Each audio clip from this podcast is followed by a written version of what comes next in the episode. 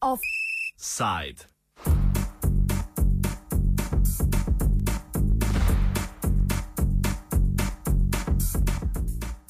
Slovenija je na današnji dan pred desetimi leti na vrhu NATO v Pragi dobila povabilo k članstvu v zavezništvu.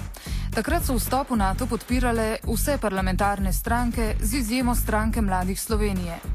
Takratni zunani minister Dimitrij Rupel je podal neposrečeno izjavo brez kakršne koli logične konsistence. Dejal je, da bi zavrnitev vstopa v NATO bila podobna zavrnitvi povabilu na večerjo. Proti tej homogenosti parlamentarnih strank in vlade, ki je delovala pod taktirko liberalne demokracije Slovenije, pa se je postavilo več civilno-družbenih gibanj, ki so nasproti nekritičnim argumentom etabliranih politikov, povezanih predvsem z varnostjo Slovenije in s tem, da nimamo druge alternative, izražala kritične misli o vstopu Slovenije v NATO.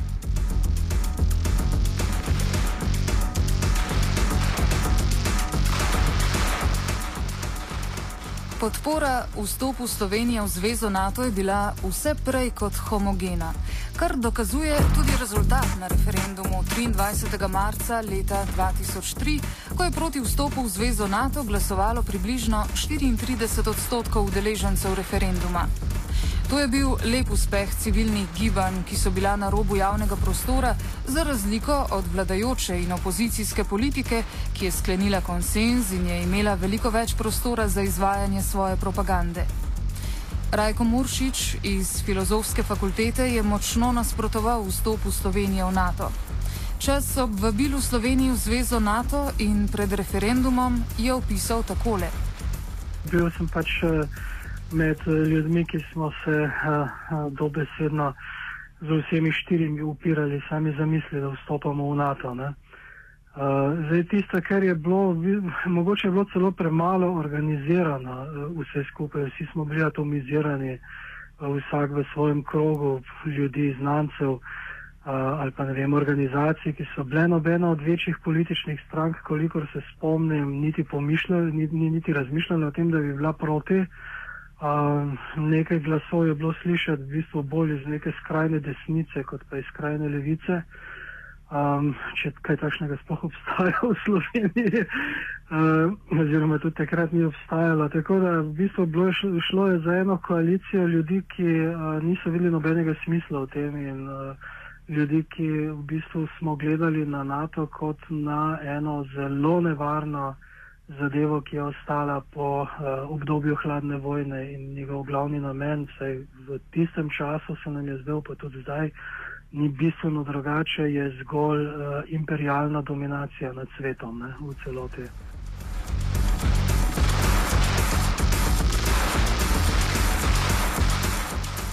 Rastko Močnik je takrat podpiral in še podpira civilno-družbena gibanja, ki so proti članstvu Slovenije v zvezi NATO. Močnik je na začetku komentiral soliden rezultat nasprotnikov vstopa Slovenije v NATO na referendumu, ki je znašal okoli 34 odstotkov glasov. Na to pa smo spregovorili še o poziciji današnje slovenske politike do zveze NATO. Res je, rezultat ni bil tako slab, glede na to, da smo bili um, vendarle um, marginalni, smo na, na robu javnega prostora delovali. Um, zame, zame je bilo takrat uh, vstop Slovenije v NATO iracionalno dejanje.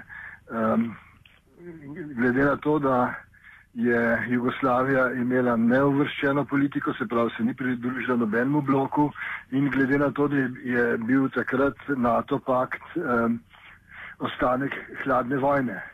Uh, kakor kaže, se hladna vojna še kar naprej nadaljuje, hkrati je pa NATO pakt postal pač um, izvršna roka ameriškega imperializma v zatonu. Tako da smo se mi pridružili nekim kolonialnim in imperialnim silam v času njihovega zatona, kar je popolnoma nesmiselno, se mi zdelo takrat in se mi zdi še zdaj, glede na to, da smo bili v svoji zgodovini v glavnem na strani izkoriščenih. Kako bi pa komentirali to, da je bila politika tako homogena, razen stranke mladih Slovenije, dobena druga stranka ni bila proti, tudi SNS je na koncu bila za, če se prav spomnim. Ja, ja to je, to je, oblikoval se je konsens uh, političnega establishmenta in uh, jaz mislim, da je v takem trenutku treba biti zelo pozoren ker ta konsens se je izoblikoval pri vstopu v Evropsko unijo in ravno tako pri vstopu v evrozono. In zdaj, kot kaže, je bil vsaj sprejem evra napaka. Um, in uh, to kaže pač na razredno naravo um, parlamentarnih strank, ki zastopajo tisto, če mu jaz pravim, kompradorska buržoazija, se pravi vladajoči razred v kolonialno odvisnih deželah, ki v resnici pobira rento za to, da opravlja naloge, ki mu jih naloži uh, svetovni kapital. Si je pa v takrat, ko je Slovenija vstopila v NATO, sam NATO že parkrat tudi um, krepko umazal roke, pa vendarle obstaja občutek, da politika ima skoraj da isto mnenje, kot ga je imela ob vstopu v NATO. Ja, um, je ena pomembna sprememba in to je, da se je, eh, da se je nekdani predsednik Kučan premislil.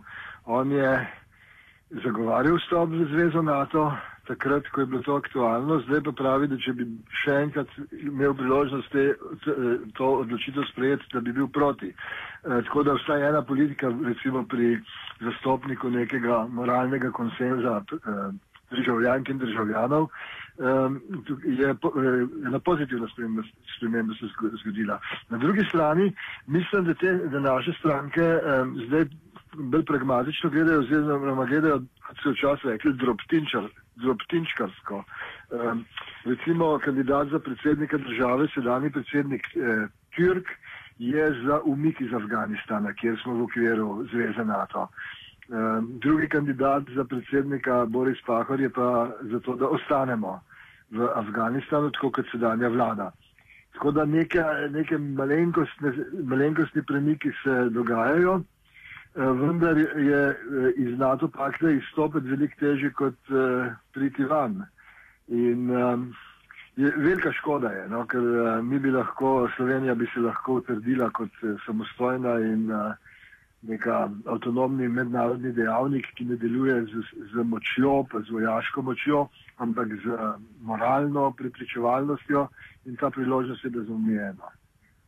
No, zdi se, da te politiki, ki so za umik eh, vojakov iz Afganistana, nekako ciljajo potem, da bi imela Slovenija te enote najbolj razporejene po območju nekdanje Jugoslavije, s tem mislim Kosovo, pa Bosna in Hercegovina. Ja, to je res in to je res in to je tudi, ne, to tudi jaz mislim je bedna vloga, ker uh, področje nekdanje Jugoslavije se je spremenilo v področje protektoratov, uh, kakršni so Kosovo ali pa Bosna in Hercegovina in kakršen postaja, kakršen postaja tudi Slovenija. Slovenija postaja ekonomska uh, kolonija uh, razvitih članic Evropske unije. Tako da Eh, da je to v resnici zelo žalosten razvoj eh, nazaj v polkolonijalno ali pa celo neokolonijalno odvisnost, kakor je bilo to pred drugo svetovno vojno, se pravi pred socialistično revolucijo.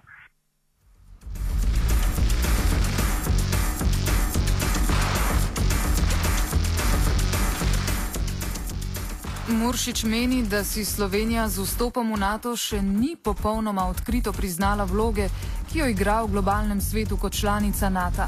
Kot tudi ne vidi velikih groženj, pred katerimi bi moral NATO braniti Slovenijo in Evropsko unijo. Zdaj Evropo seveda brani NATO pred Bog ve kom? Uh, verjetno pred Rusijo, ki seveda nikoli ni uh, uh, nobene evropske države neposredno napadla, oziroma zahodne evropske, da sem bolj natančen. Ne? V nobeni od oblik, ki jih je ta imperij imel v preteklosti. Bilo je pa seveda obratno. Ne? To je edino, kar imamo tukaj. Ne? Imamo sod smodnika na Bližnjem vzhodu, za katerega se zdi, da je pacificiran, pa še zdaleč ni, kar zelo dobro vidimo zdaj v zadnjih dneh.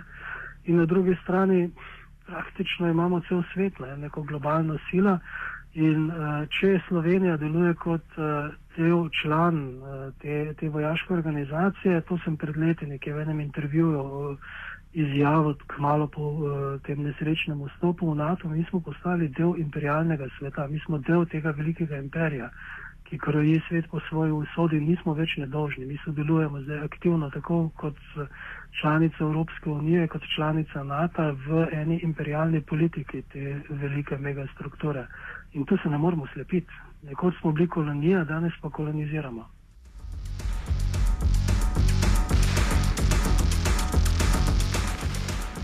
Offside ob deseti obletnici povabila Sloveniji v Zvezo NATO je pripravil Urh.